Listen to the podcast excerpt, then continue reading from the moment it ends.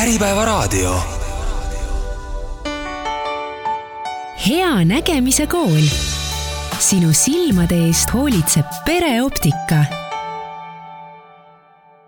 tere päevast, eetris on Hea nägemise kool, mina olen Tuuli Seinberg ja stuudios on meil pereoptika juhatuse esimees Jaan Põrk, optometrist Laura Tõnov ja Essilori tootespetsialist Margo Tinno ja me alustame täna taas algusest, millegipärast on niimoodi, et september on nagu selline lastele ja tervisele pühendatud kuu, eriti koolilastele, et praegu on august, alustame me veel natukene varasemast vanusest ja räägime sellest, et kuidas siis päris alguses laste nägemine areneb, millised probleemid seal võivad ette tulla ja kuidas neid varakult avastada ja siis leevendada räägime ka natukene koolilastest siiski.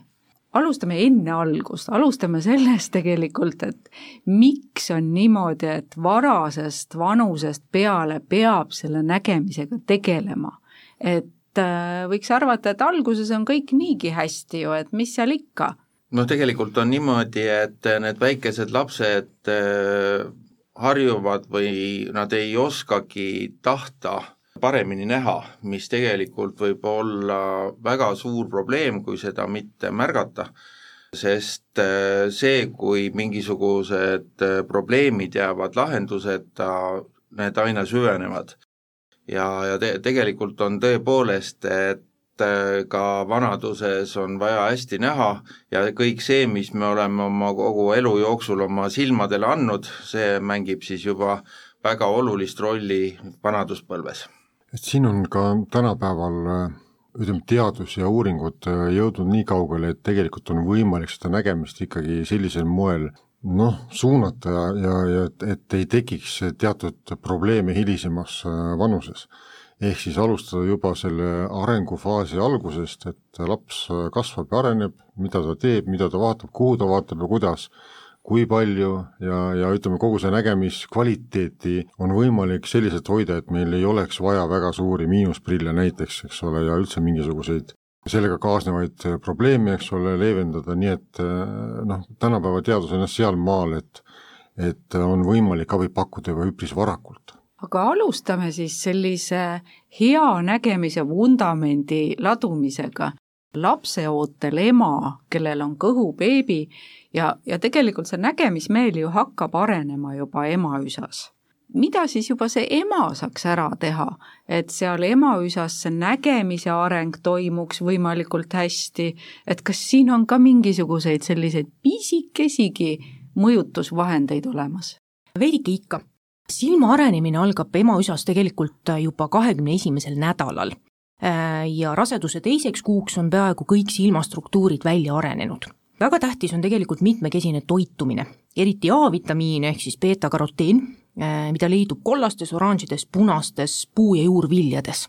et kindlasti siis äh, neid väga palju tarbida raseduse ajal ja väga tähtis äh, on ka omega kolm rasvhape. Ähm, loote arengustaadiumis on hästi tähtis roll tegelikult ka päikesevalgusel, sest mõningad uuringud näitavad seda, et tegelikult mõned valgusfootonid jõuavad eeldatavalt ikkagi ka looteni ja kindlasti siis tuleks hoiduda näiteks alkoholi tarbimisest. kas see valguse foon, see tähendab nüüd seda, et tulevane ema peaks palja kõhuga olema õues või, või vastupidi, et ta peaks ennast kaitsma siis selle UV-kiirguse eest? ta peab kindlasti kaitsma ennast UV-kiirguse eest, aga ka veetma aega päikese käes et niimoodi mõistlikult ja, ja tasakaalustatult, nagu nimelt. ikka, eks Just ole. pärast sündi, et see on imeline hetk, kui beebi esimest korda teeb silmad lahti ja siis vanemale otsa vaatab, aga üsna arusaamatuks jääb, et kas ta tegelikult näeb ka midagi või, või on see lihtsalt mingisugune refleks ja, ja kui ta näeb midagi, siis mida ja kuidas ta näeb? sündides on lapse silmamuna hästi pisike ja see nägemisteravus tegelikult on kuskil kümme protsenti, ehk siis ta näeb kuhugi kümne sentimeetri kaugusele. ja imik eristab ainult väga kontrastseid objekte, puuduvad binokulaarne nägemine, ehk siis kahe silmaga koos nägemine ja ka stereoskoopiline nägemine, ehk siis laps tehniliselt näeb 2D-s. ja tegelikult arvatakse ka seda, et sündides laps näeb maailma pea alaspidi, sest silmapõhja langenud kujutis tegelikult ongi ümber pööratud ja meie aju lihtsalt pöörab ta uuesti õiget pidi aga kuidas siis ikkagi on niimoodi, et mingisugune nägude äratundmisvõime ju, ju tuleb neil üsna peagi, et kuidas ta siis emme-issi näod ära tunneb? tegelikult äh, tunnebki sellise nii-öelda, esiteks ka nii-öelda siis hääle järgi ja ka näiteks juuste kuju, värvi, selliste asjade järgi mm. -hmm. noh, et eks, eks siin ole ju nii nagu kogu arengufaas, et sa, kõik su meeled arenevad Äh, käsikäes ja, ja siis sellest moodustabki see kimp lõpuks, eks ole, mis, mis äh, noh, et kui, kui palju neid ärritajaid on ja neid, neid trigger'id, mis, mis, mis teatud arenguetappi nagu, nagu soodustavad. et kui need on õigesti kõik lapsele pakutud, kõike võimalikke, siis äh, kogu areng ongi stabiilne. aga siin ma rõhutaksin nüüd, et see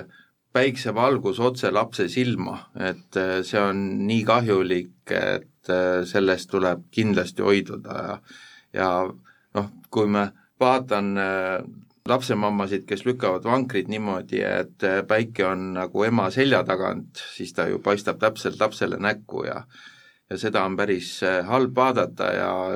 lapsevanemad kahjuks ei tea seda, et see on tegelikult väga kahjulik ehk siis vankrile tuleks ikkagi see sirm ette panna siis, et, et see päike otse lapsele silma, beebile ei paistaks. just. valgusest veel, kui me juba sellest päikesevalgusest ja valgustundlikkusest natuke räägime, et siis kas see valgustundlikkus on samasugune, mis täiskasvanul? et ma olen kuulnud ka selliseid ähm, siis väiteid, et kui laps sünnib, siis see ere valgus, mis sünnitustubades on, et see nagu kohutavalt mõjub šokina lapse nägemismeelele, et kas see tegelikult on nii? arvatavasti väga mitte. et see valgustundlikkus pigem ikkagi on natukene nagu teistpidi tähtis selle lapse nägemise arengule valgus sellepärast just on imikusilmadele väga tähtis, et silmapõhja reetinarakud peavad saama stimulatsiooni ja tänu sellele siis hakkavad erinevad äh, silma ja nägemise funktsioonid äh, lapsel ka arenema. et äh, pigem on see nii-öelda valgus just tähtis. et see on nagu selline mõnes mõttes nagu immuunsüsteemi kasvatamine on selle nagu nägemismeele treenimine siis valgusega? tegelikult küll, jah. teoreetiline küsimus, et kui nüüd laps on pidevalt mingis hämaras toas, vanem millegipärast arvab, et valgus on kahjulik, kas siis see tähendab, et seda õiget stimulatsiooni ja treeningut ei toimugi ja see nii-öelda nägemismeele vundament jääbki natukene selline niru?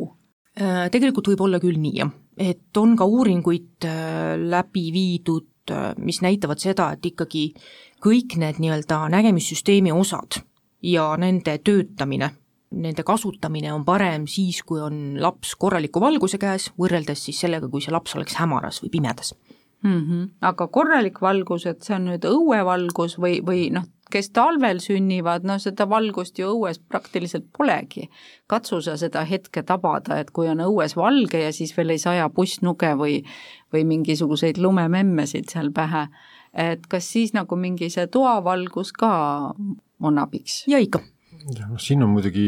jälle see oluline aspekt, et päiksevalgus on, sisaldab endas kõiki valguselemente, mis, mis meil olemas on. et kunstlik valgus on kindlasti vaesem, see kunstlik valgus ei anna sellist efekti kui päiksevalgus, nii et rohkem päikse käes ikka olla, aga samal ajal kaitsta ennast ikkagi.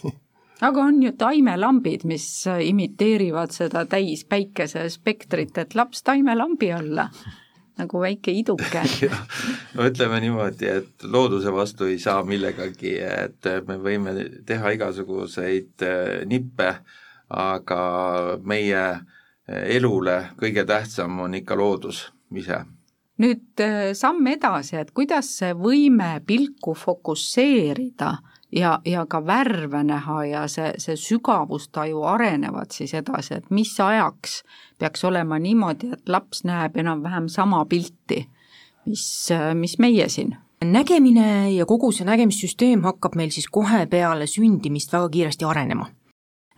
ja seitsmeaastane laps peaks juba nägema selline kuskil kaheksakümmend kuni sada protsenti, ehk siis äh, nii nagu täiskasvanud inimene. Ma toon siinkohal ka natuke välja sellised suuremad äh, inglise keeles siis milestones, mis siis äh, imikusilmade arenemisega kaasa tulevad. Äh, et esimene tähtis aeg silmade arengus on kindlasti see esimene nädal kuni kaks kuud peale sündimist. Et see on siis hästi tähtis, et lapse silmad just saaksid seda stimulatsiooni, ehk siis valgust, et siis kõik muud protsessid ja silmade areng saaks õigel ajal hakata toimuma ja ka toimuks. nüüd teine selline väga suur milstone on neljas elukuu sellel ajal suudab laps vaadata kuskil selline kümne kuni kahekümne sentimeetri kaugusele ja eristab kontrastseid objekte, ehk siis vanemate nägusid, samuti hakkab siis arenema ka silmade koostöö ja laps hakkab jälgima liikuvaid objekte. akomodatsioon ehk siis silmavõime fookust muuta, siis neljandal kuul juba toimib korrapäraselt, ehk siis laps suudab tegelikult fokusseerida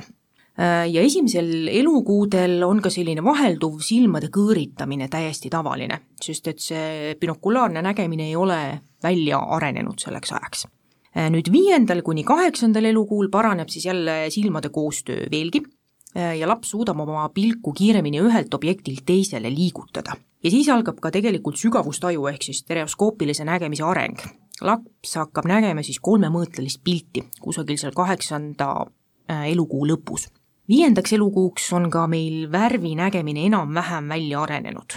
kaheksandal elukuul roomavad juba lapsed ringi ja siis tegelikult hakkab ka arenema selline silma ja käe koordinatsioon, ehk siis nad ka haaravad äh, erinevaid asju, erinevaid mänguasju. ja see areneb äh, nii-öelda lõpuni välja, selline haripunkt on kuskil kaheaastaselt ja kuuendaks kuuks tegelikult on ka meil välja arenenud konvergents, ehk siis see silmade kokkupoole liikumine, kui me vaatame lähedale. ja siis kindlasti selline kuues-kaheksas kuu enam sellist äh, nii-öelda konstantselt, ehk siis kogu aeg silmade kõõritamist ei tohiks enam tekkida vot ma tahtsingi küsida, et nüüd neid äh, teetähiseid või milstone'e teades, kas on mingid asjad, mingid meetodid, kuidas vanem saaks kontrollida, kas see laps on selle teetähise nii-öelda siis saavutanud? tegelikult äh, ongi, et selline kuskil kuues-kaheksas kuu laps võiks juba selliseid mänguasju krabada enam-vähem õigesti, kui ema tuleb lähemale, siis need silmad peaksid koos liikuma kokkupoole, ei tohiks olla sellist konstantset kõõritamist, nii nagu ma ütlesin, selliseid asju, et seda tegelikult ikkagi saab jälgida.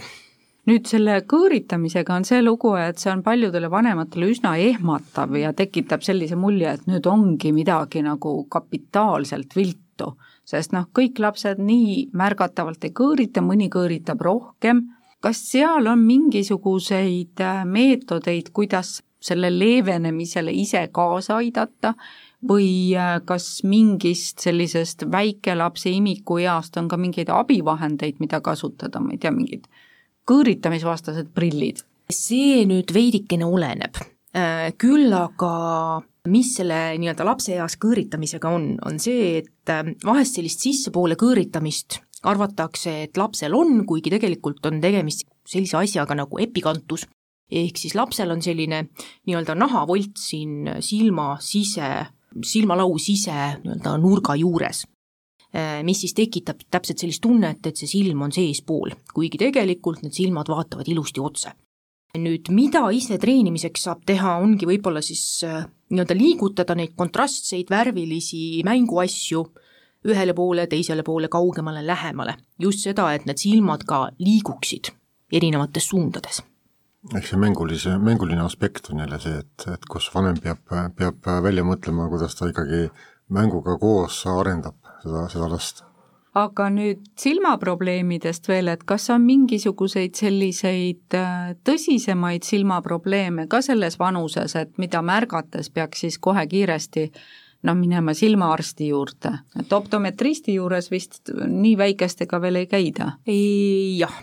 optometristi juurde nii väikeste lastega minna ei ole mõtet. et äh, imikutel muidu esineb hästi palju ähm, sellist suurenenud pisarate voolu, mis siis võib tähendada seda, et pisaratäpid on ummistunud, sest need ei ole tegelikult sündides välja arenenud samuti esineb sellist punasust, äh, silmade punasust või rähmaseid silmalauge, mis siis võivad äh, viidata silmapõletikule mm. -hmm. nüüd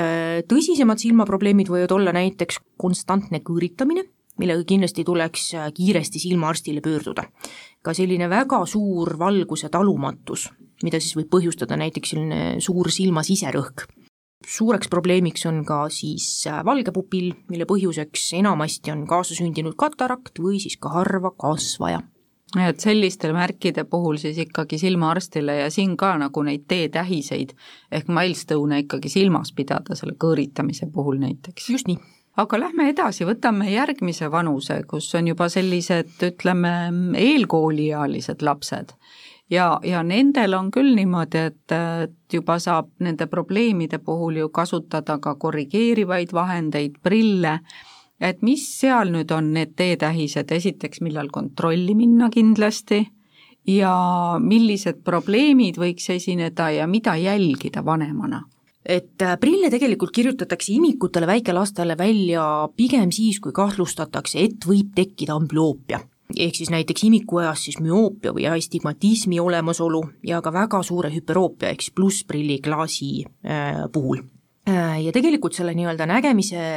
funktsioonide arenemine on selline väga aeglane protsess, et nad ei toimu kuu-paariga.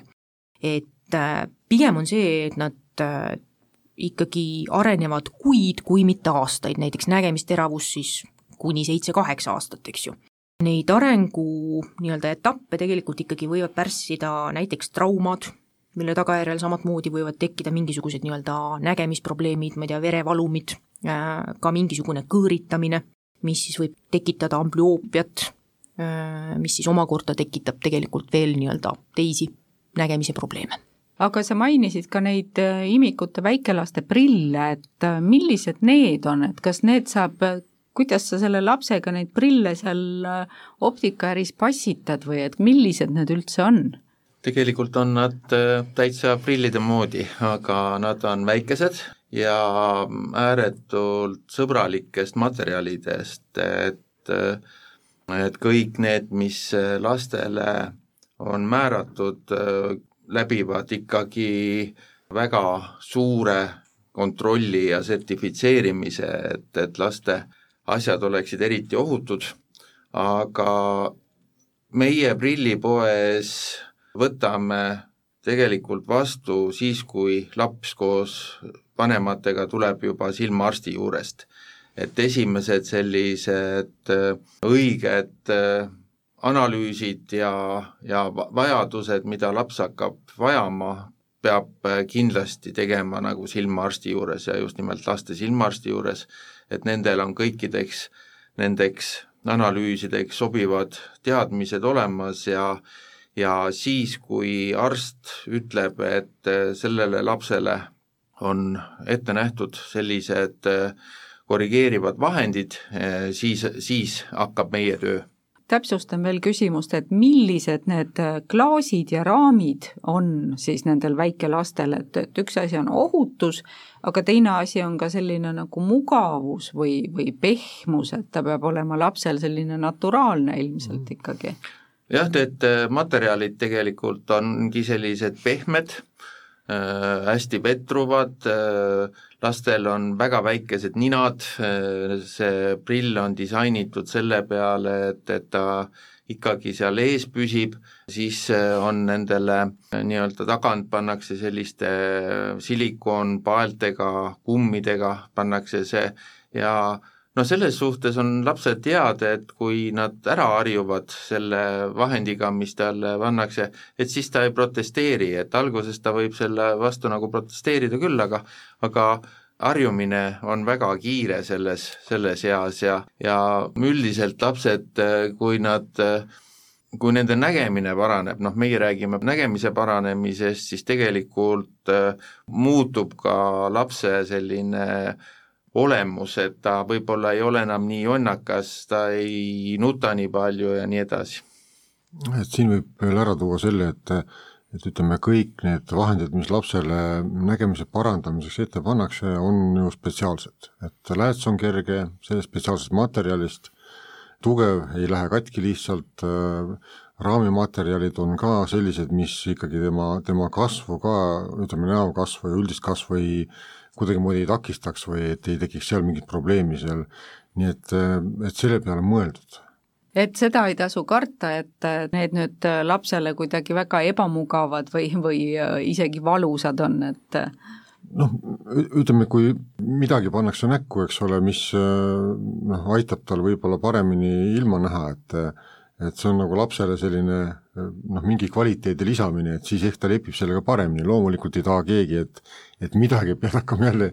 ees kandma või, või, või kuidagi noh, sellega tegelema, eks ole, aga kui laps näeb sellega paremini, ma usun, et ta lepib sellega. ma olen kuulnud ka seda, et äh, näiteks äh, üks sümptom, mille üks vanem avastas, mille kaudu ta jõudis lapse nägemisprobleemile jälile, oli see, et laps komistas pidevalt. Ja selgus, et tal on tegelikult äh, nägemises suured probleemid, ta sai need abivahendid ja laps enam ei komistanud ja oligi, nagu sa ütlesid, et äh, täiesti teine selline rõõmsameelne, mitte, mitte pahur ja, ja sinikaid täis, eks ole aga üks asi veel, mida võiks põgusalt puudutada, on see, et äh, väikelastel esineb ka hästi palju igasuguseid silmapõletikke, on viiruslikud silmapõletikud, igasugused bakterid, värgid. kas pärast sellist põletikku tuleks ka nägemist jälgida, kas põletik võib ka kuidagi nägemist mõjutada? tegelikult küll, et eriti sellised põletikud, mis siis hõlmavad selliseid silmakihte Äh, mis peaksid ilusti valgust äh, läbima, ehk siis näiteks sarvkest. samuti sellised põletikud, mis võivad olla reetinal ehk siis silmapõhjas või siis ka nägemisnärvi põletik, mille puhul kindlasti tuleks seda nägemist pärast kontrollida. aga kuidas pärast põletikku aru saada, et nüüd peaks kontrollima minema, sest tavaliselt selle peale ei tule ju? Samamoodi ikkagi, kui on mingisugused muutused selles nii-öelda lapse käitumises või silmade nii-öelda koostöö mingisugused probleemid, mis tekivad siis järsku peale seda põletikku? jah, aga mina panen üldse tähele, kui inimesed ei näe hästi. Nad pingutavad vaatamisel, vanemad inimesed viivad noh, lugemise asjad, lähedal olevad objektid kaugemale, need, kes kaugemale ei näe, need kissitavad, nad vaatavad, nad keeravad nagu või tõmbavad nagu pea ettepoole ja, ja just sellised pisikesed asjad äh, peaksid siis lapsevanematele ka silma torkama ja, ja siis saab kiiresti jaole. jah, väga hea, kui silmaprobleemid varakult silma torkavad väikelastel üks märk veel on tihtipeale see, et ta läheb mingile ekraanile, telekale näiteks lähemale ilmselt, et, et see on ka nagu, mida tasuks tähele panna. ja tegelikult, kui ta ei Äh, suuda süveneda asjadesse, kui ta lahkub väga kiiresti oma mingite mänguasjade juurest või et äh, kõik sellised äh, kiiresti muutuvad asjad, kui ei teki ühtegi sellist asja, mis talle meeldib nagu teha, et see, võib olla ohumärk küll. Tuletame kuulajatele meelde ka need olulised vanused, millal käia silmakontrollis, me jõudsime selles lapse silmade arengus nii-öelda juba koolieani, ehk siis imikutest kuni kooli, eelkoolieani. Ja nüüd hakkame rääkima koolilastest, aga selle perioodi jooksul, millal tuleks käia silmaarsti juures? esimene kord äh, silmaarsti juures on kolmeaastaselt, siis kui kogu see nii-öelda nägemissüsteem, selline areng on juba kusagil seal poole peal ja järgmine kord siis tegelikult ongi see eelkooli kontroll, kuhu nii-öelda siis võib pöörduda ka tegelikult optometristi poole. Ja tegelikult, kui sellel esimesel kontrollil selguvad juba sellised äh, müoopia probleemid näiteks, äh, siis hakkavadki tekkima juba sellised lahendused, sellised klaasitüübid, mis tegelikult parandavad seda olukorda, nad ei lase sellel müoopial äh, süveneda, vaid hoitakse ja parandatakse olukorda. Siin tõi Jaan ikkagi väga olulise aspekti praeguses optika sellises maailmas välja, et äh, kuhu poole optika nagu liigub, et kui, kui varem oli niimoodi, et aidati ütleme, seda juba tekkinud nägemise puudujääki leevendada prilliläätsedega, et siis tänapäeval ikkagi on, on juba suund see, et üritatakse ütleme, ennetada seda, et, et see miinusprobleem näiteks tekib. ehk see müoopia kontroll, see lühinägelikkuse äh, vähendamine äh, täiskasvanud inimesel juba algab lapse east. Ja, ja see on vaja noh, dateerida, eks ole, ja vaja, vaja hakata kasutama äh, arengustaadiumis, lapse arengustaadiumis, kasvu, kasvuperioodil spetsiaalseid läätsi või klaase, mis tema sellist survet nagu nägemismehhanismile vähendaksid, et see silmamuna ei muutuks äh, liiga suureks, liiga pikaks ja et, et hoida, hoida sellisel tasemel, et, et see kasv oleks noh, võimalikult väikeste selliste noh, korrektsioonide järgi vajalik, et, et spetsiaalsed läätsed, mis aitavad seda kasvu nagu vähendada kas see tähendab siis ka seda, et näiteks kui laps on seal kolme aasta kontrollis just saanud endale siis äh, selle diagnoosi ja saanud õiged abivahendid, et näiteks selle koolieelse kontrolli ajaks võib tal olla nägemine juba korras ka? seda pigem sellise väiksema plussi puhul, kui on ikkagi tegemist miinusprilliga, siis teda nii-öelda prilliläätsega parandada ei ole võimalik, ehk siis nii-öelda see miinus väiksemaks läheks noh, siin on võimalik võtta seda, et see miinus, et ta nagu kasvu poole pealt, et see miinus ei kasvaks, et võimalikult mm -hmm. vähe see miinus nagu juurde tuleks. et, et see on nagu see eesmärk, et seda miinust äh, tagasi hoida. küll on ikkagi äh, olnud ka selliseid äh, kilde sellest informatsioonist, et ta võib seda vii-, miinust ju ka vähendada, et äh, aga äh, optometristid raputavad pead, et seda silm enam ei vähene, vaata. jah, jah, et, et ta pidurdab selle jah, aga samas on ta ääretult äh, positiivne kogu eluks, sellepärast et kõikide selliste müoopiliste kaebuste puhul äh, tekivad äh, kergemini silmarõhu probleemid ja, ja kõikide nende probleemide ennetamiseks on just vaja selliseid nii-öelda noores eas tehtavaid toiminguid. jah, et siin Jaan jälle vajutas nuppu, mis on nagu õige, et ütleme, suur äh, miinus, see lühinägelikkus ehk müoopia on paljude nägemisriskide põhjustaja, risk on suur, et, et neid riske nagu maha võtta, tuleb seda müoopiat nagu vähendada, ehk seda lühinägelikkust. et äh, küll need müoopilised maakuladegeneratsioonid, mis on suur risk, eks ole, võrkeste irdumise probleemid, kui on suured numbrid, et mida suurem miinus, seda rohkem neid nägemisriske, mida vähem seda on, seda, seda vähem neid riske, nii et see on väga oluline teema. ja jällegi tulles tagasi siis selle müoopia ennetamise juurde, et see silmakuju areneks õigetpidi, siis valguses ja, ja looduslikus valguses viibimine ja õige selline režiim, eks ole. jah, et see kaks tundi lastele on nagu noh, vähem ei tohiks tegelikult ja, ja nii nagu tänapäev äh, noh, me oleme sellest ka varem rääkinud, et et see tänapäevane selline keskkond, tehiskeskkond nagu on, surub, surub nii lapsed kui ka täiskasvanud inimesed ikkagi digiseadmetesse, lapsed on väga sõltuvad sellest, muutuvad väga sõltuvaks kergelt. Ja ütleme, need tulemid, see, et kui laps vaatab ikkagi väga palju lähedale kogu aeg, on vot sedasama impulssi, et et oleks vaja ära hoida seda, et, et et seesama selline äh, lühinägelikkuse nagu soodustamine kuidagi ära lõpetada, et, et laps peab saama nagu vaheldusrikast impulssi kasvuperioodil. ja, ja kui on vaja, siis tuleb seda aidata ka spetsiaalsete prilliläätsedega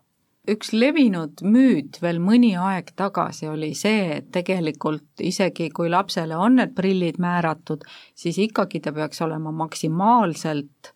ilma prillideta, et muidu need silmalihased ei tööta ja silm muutub laisaks.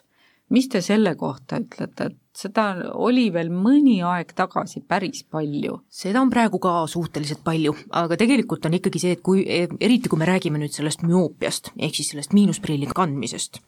siis äh, kõige rohkem ikkagi uuringutes, pikkades uuringutes on leitud see, et seda nii-öelda silmakasvu pärsib ikkagi see, kui lapsel on täiskorrektsioon ees ja ikkagi pigem kogu päeva. pigem see on just see nii-öelda prilli mittekandmine, on selline karuteene vanemate poolt. jah, et sa saad ikkagi nagu impulssi vähem, eks ole, ja sul, sul tegelikult on vaja näha selgemalt. ja kui sul ei ole, eks ole, seda korrektsiooni, millega hästi näha, siis sul see see impulss, mis nagu lõpuks nägemiskeskusesse jõuab ja kogu see mehhanism, mis meil seda reguleerib, eks ole, siis ta on puudulik lihtsalt. aga samas just see müoopia lääts see töötabki ju sellel põhimõttel, kus kohas äh, ta näeb läbi ühe kindla punkti, näeb äh, teravalt ja, ja kõik see, mis seal läätse disainis siis töötab, võimaldabki niimoodi, et see siis äh, aktiveerib selle silma tööd niimoodi, et see protsess on õige. et laps näeb samal ajal, ütleme teravalt tsentraalselt, aga, aga ütleme nii, et külje sellised mõjud selles, kuidasmoodi see valgus sinna silmapõhja jõuab, soodustab seda, et see silm ei pikene nagu liiga palju et tööd saab silm piisavalt, et seda ei tasu karta, et ta nüüd laisaks jääb, et pigem on nagu niipidi, et prille mitte kandes, siis äh, see füüsiline lausa protsess ikkagi läheb nagu tegelikult laiskilm on hoopis teine asi. just, just.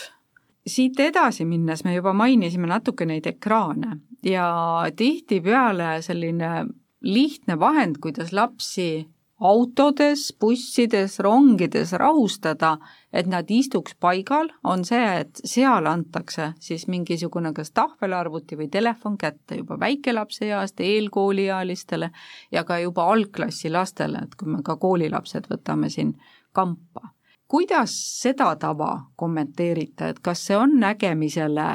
kahjulik otseselt või on ta mingisuguse sellise ajaperioodi vältel ikkagi okei okay või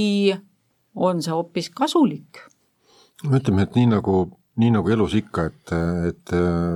kui on midagi head on väga palju, siis ta muutub ikkagi negatiivseks, eks ole. Et äh, iga asi peab olema kuidagimoodi balansis või tasakaalus, et, et kui on vaja, eks ole, et ega siis kõik vaatavad ikkagi digiseadmeid ka ja laps, kui mingil hetkel äh, vaatab midagi enda jaoks olulist sellest digiekraanist, siis see on ju okei okay. aga nüüd see kogus ja kui palju me seda teeme ja kui, kui, kui tihedalt, et vastu peab pakkuma mingisugust muud kvaliteeti, aga ilma digiekraanita, vot siin on nagu see teema, et see tuleb välja mõelda ja pakkuda talle jälle vot erinevaid asju aga vastus sellele küsimusele tegelikult on ju näha meie koolides, et prillikandjate arv tegelikult suureneb, nii et, et me teame, mida need eh, ekraanid tegelikult tähendavad. lisaks veel tegelikult sellele, et mis on siis hästi tähtis, nii nagu me varem siin rääkisime ka, et meil hakkab arenema viiendal-kuuendal elukuul see stereoskoopiline nägemine ehk siis tehniliselt 3D nägemine. et kui laps ikkagi vaatab enamuse oma ajast nutiseadet, mis tegelikult on ju kahemõõteline, siis võib ka toimuda stereoskoopilise nägemise arengu aeglustumine näiteks ehk siis tegelikult äh, pigem oleks parem see, kui laps vaataks ka kaugele ja samas ta selle nii-öelda siis autosõidul näiteks, samas autosõidul saab äh, lapsega arendada nii-öelda siis seda silmade liikuvust. Ehk siis vaatame mingit punkti, liigutame kiiresti silmi või siis just see nii-öelda silmade sujuv liigutus, mida tegelikult saaks siis äh, harjutada. jah, et seal on nagu oluline see, et vot seesama, et et kui liikuvas sõidukis laps on, on eks ole, noh, ekraani taga, eks ole, mis on kahemõõtmeline nii-öelda siinsamas, eks ole, see pilt, aga, aga ütleme, see keskkond, kus ta nüüd möödub, eks ole, sama, samane see dünaamiline olukord, arendab tema nägemismeelt teistmoodi. Ja see on ka nagu oluline, et jälle, jälle midagi peas ikkagi toimus ja, ja, ja muutuks. Et siis peaks nagu rohkem välja vaatama, aga ütleme, siin on nende plusside-miinuste nagu teinekord kokkupanemine väga, väga tähtis. Ja mis oli väga hea soovitus tegelikult, mis ma leidsin, oli see, et kui nüüd laps veedab näiteks pool tundi äh, nutiseadmes või loeb, mis on samuti nii-öelda siis kahemõõtmeline tegevus tegelikult, et siis sama palju võiks ta siis veeta väljas ja nii-öelda siis treenida seda pigem sellist nii-öelda silmade liikumist, ka käe ja silma koostööd, näiteks mingisugust palli viskamist, midagi sellist. no jaa, aga tegelikkus on see, et isegi sellised äh,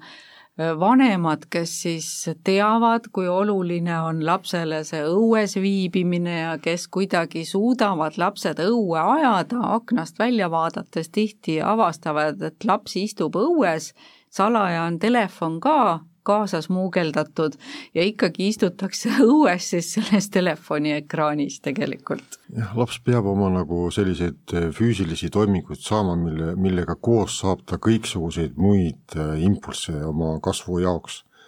nii et eh, teinekord võib olla ka, teinekord võib olla ka see, et ütleme, mingi tegevus võib olla ohtlik, no kas või näiteks seikluspargis ronimine ja puhe ja vaata, kas laps saab hakkama või ei saa,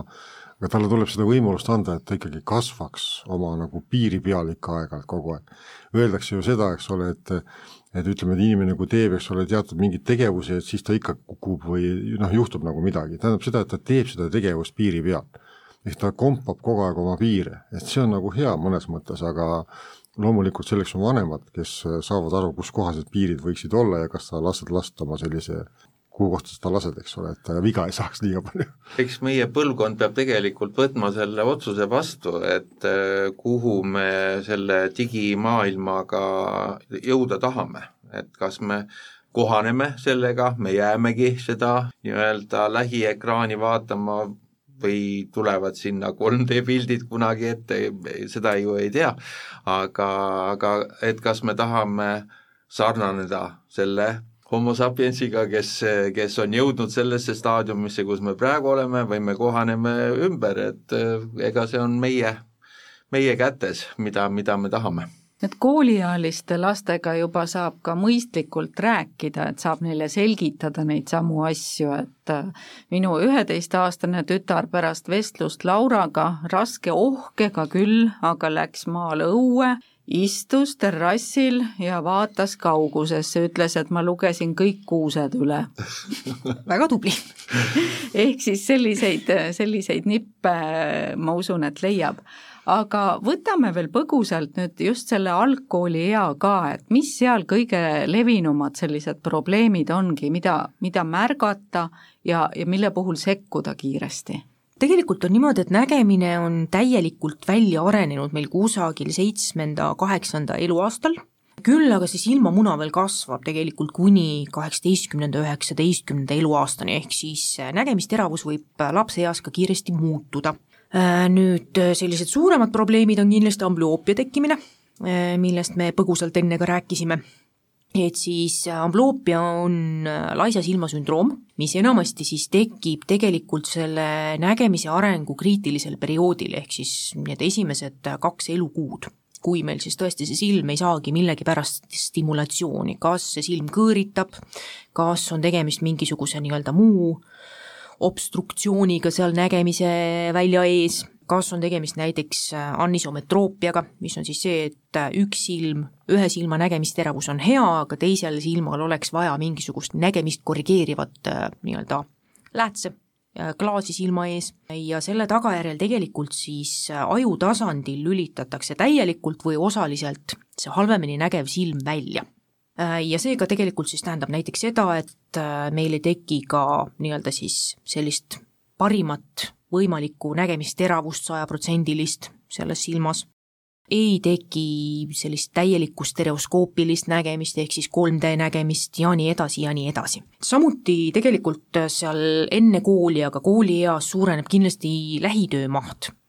ehk siis samuti võivad tekkida sellised nii-öelda lähitööga seotud probleemid, silmade väsimused, peavalud, nii nagu siin juba mainitud sai, et näiteks laps ei taha lähitööd pikalt teha, üle, ma ei tea, viieteistkümne minuti. võib ka olla näiteks niimoodi, et laps paneb ühe silma kinni, toob teksti hästi lähedale või just üritab teda hästi kaugele viia,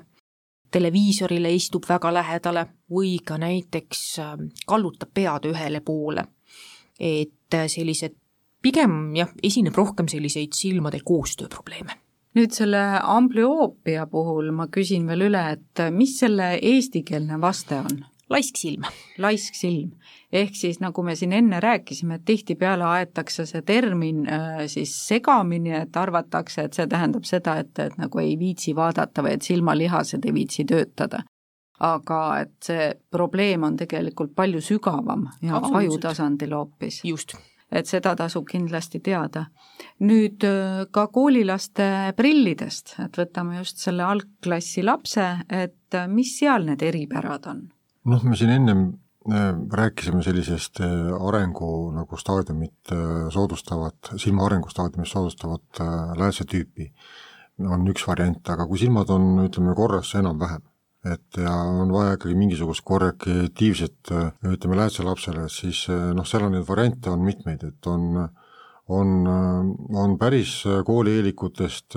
kellel on mõeldud spetsiaalsed läätsed nende kasvu ja ja noh, morfoloogia ja kogu sellise välimuse järgi on, on need läätsed niimoodi ehitatud, et tema mõõtmetesse see läätse kasutus sobib ehk ta on väike, tal on käed lühikesed, tal on näokuju on hoopis teine, see optika on läätsest niimoodi pandud, et see on tema jaoks kõige sobilikum. et selle peale on praegu mõeldud ja just noh, praegusel hetkel väga palju tegeldakse just nende laste läätsedega, nii selliste läätsedega, mis vot seda müoopia teemat pärsivad, et see, see ei suureneks ja, ja siis, kui on juba, eks ole, noh, et noh, mingi number vajalik, et siis anda parim variant ikkagi vastavalt kasvule ja vastavalt tegevustele ja siis, kui on juba arsti poolt määratud need vahendid, mis on nagu soovituslikud, siis äh, meie optikas võtame selle kontrolli nagu enda kätte. et äh, me teeme need prillid, me kutsume mingitel aegadel äh, ta tagasi kontrollile ja kõigega sellega saab juba meie optometrist tegeleda. aga just see esimene seis, kus kohas äh, tilgutatakse pupilli laiendavaid tilkasid silma, et see osa on siis kindlasti laste silmaarsti teema. aga võtame nüüd selle teema kõik kokku ja teeme lapsevanematele sellise kotkasilma kasvatamise ja jälgimise juhendi, et mis on need kõige olulisemad punktid nüüd, et number üks, siis silmaarst vanuses kolmas eluaasta ja enne kooli mis nüüd veel? Äh, number kaks, äh, kindlasti veeta vähemalt kaks tundi päevas päikesevalguse käes, mida rohkem, seda uhkem. Soovitan äh, lapsevanematel suhtuda oma lapse sellisesse kasvu just ja arengusse hoolsalt, ehk kuulata nõuandeid, mida tegelikult optikakauplustes ja ütleme, mida arst juba ennem, ennem pakub, et, et see on nagu oluline, et noh, tänapäeva selline äh, optikaabi on niivõrd tõhus, et, et on, kõik on võimalik teha. tehnika on nii palju arenenud, et ja me teame nagu sellest nägemis sellisest nagu süsteemist, kuidas ta töötab nii palju ka, et, et milline see lääs peaks olema, et kõige paremini aidata, et et kuulata ikkagi optikakaupluse inimesi, kes kläätse pakuvad ja, ja proovida selle järgi käituda, sest see on nagu see, mis äh, mis tema nagu tulevikku ja suurema osa tema elust pärast äh, võib äh, noh, kvaliteetsemaks muuta. ja nägemine ei ole ainult see, millest meie praegu siin rääkisime, et tegelikult enamus informatsiooni, mis hakkab äh, lapseni jõudma, tegelikult jõuabki läbi silmade. Ja kui seal on mingisugune takistus ees, siis tegelikult jõuab ka seda informatsiooni, mis on üleüldiseks arenguks vajalik, seda jõuab vähem teeme siis kõik endast oleneva, et seda informatsiooni jõuaks lapseni just õigel määral ja, ja et laps näeks maailma nii kaunina ja erksana, nagu see tegelikult on. head nägemist kõikidele kuulajatele ja suur aitäh oma teadmisi jagamast, see oli Hea Nägemise Kool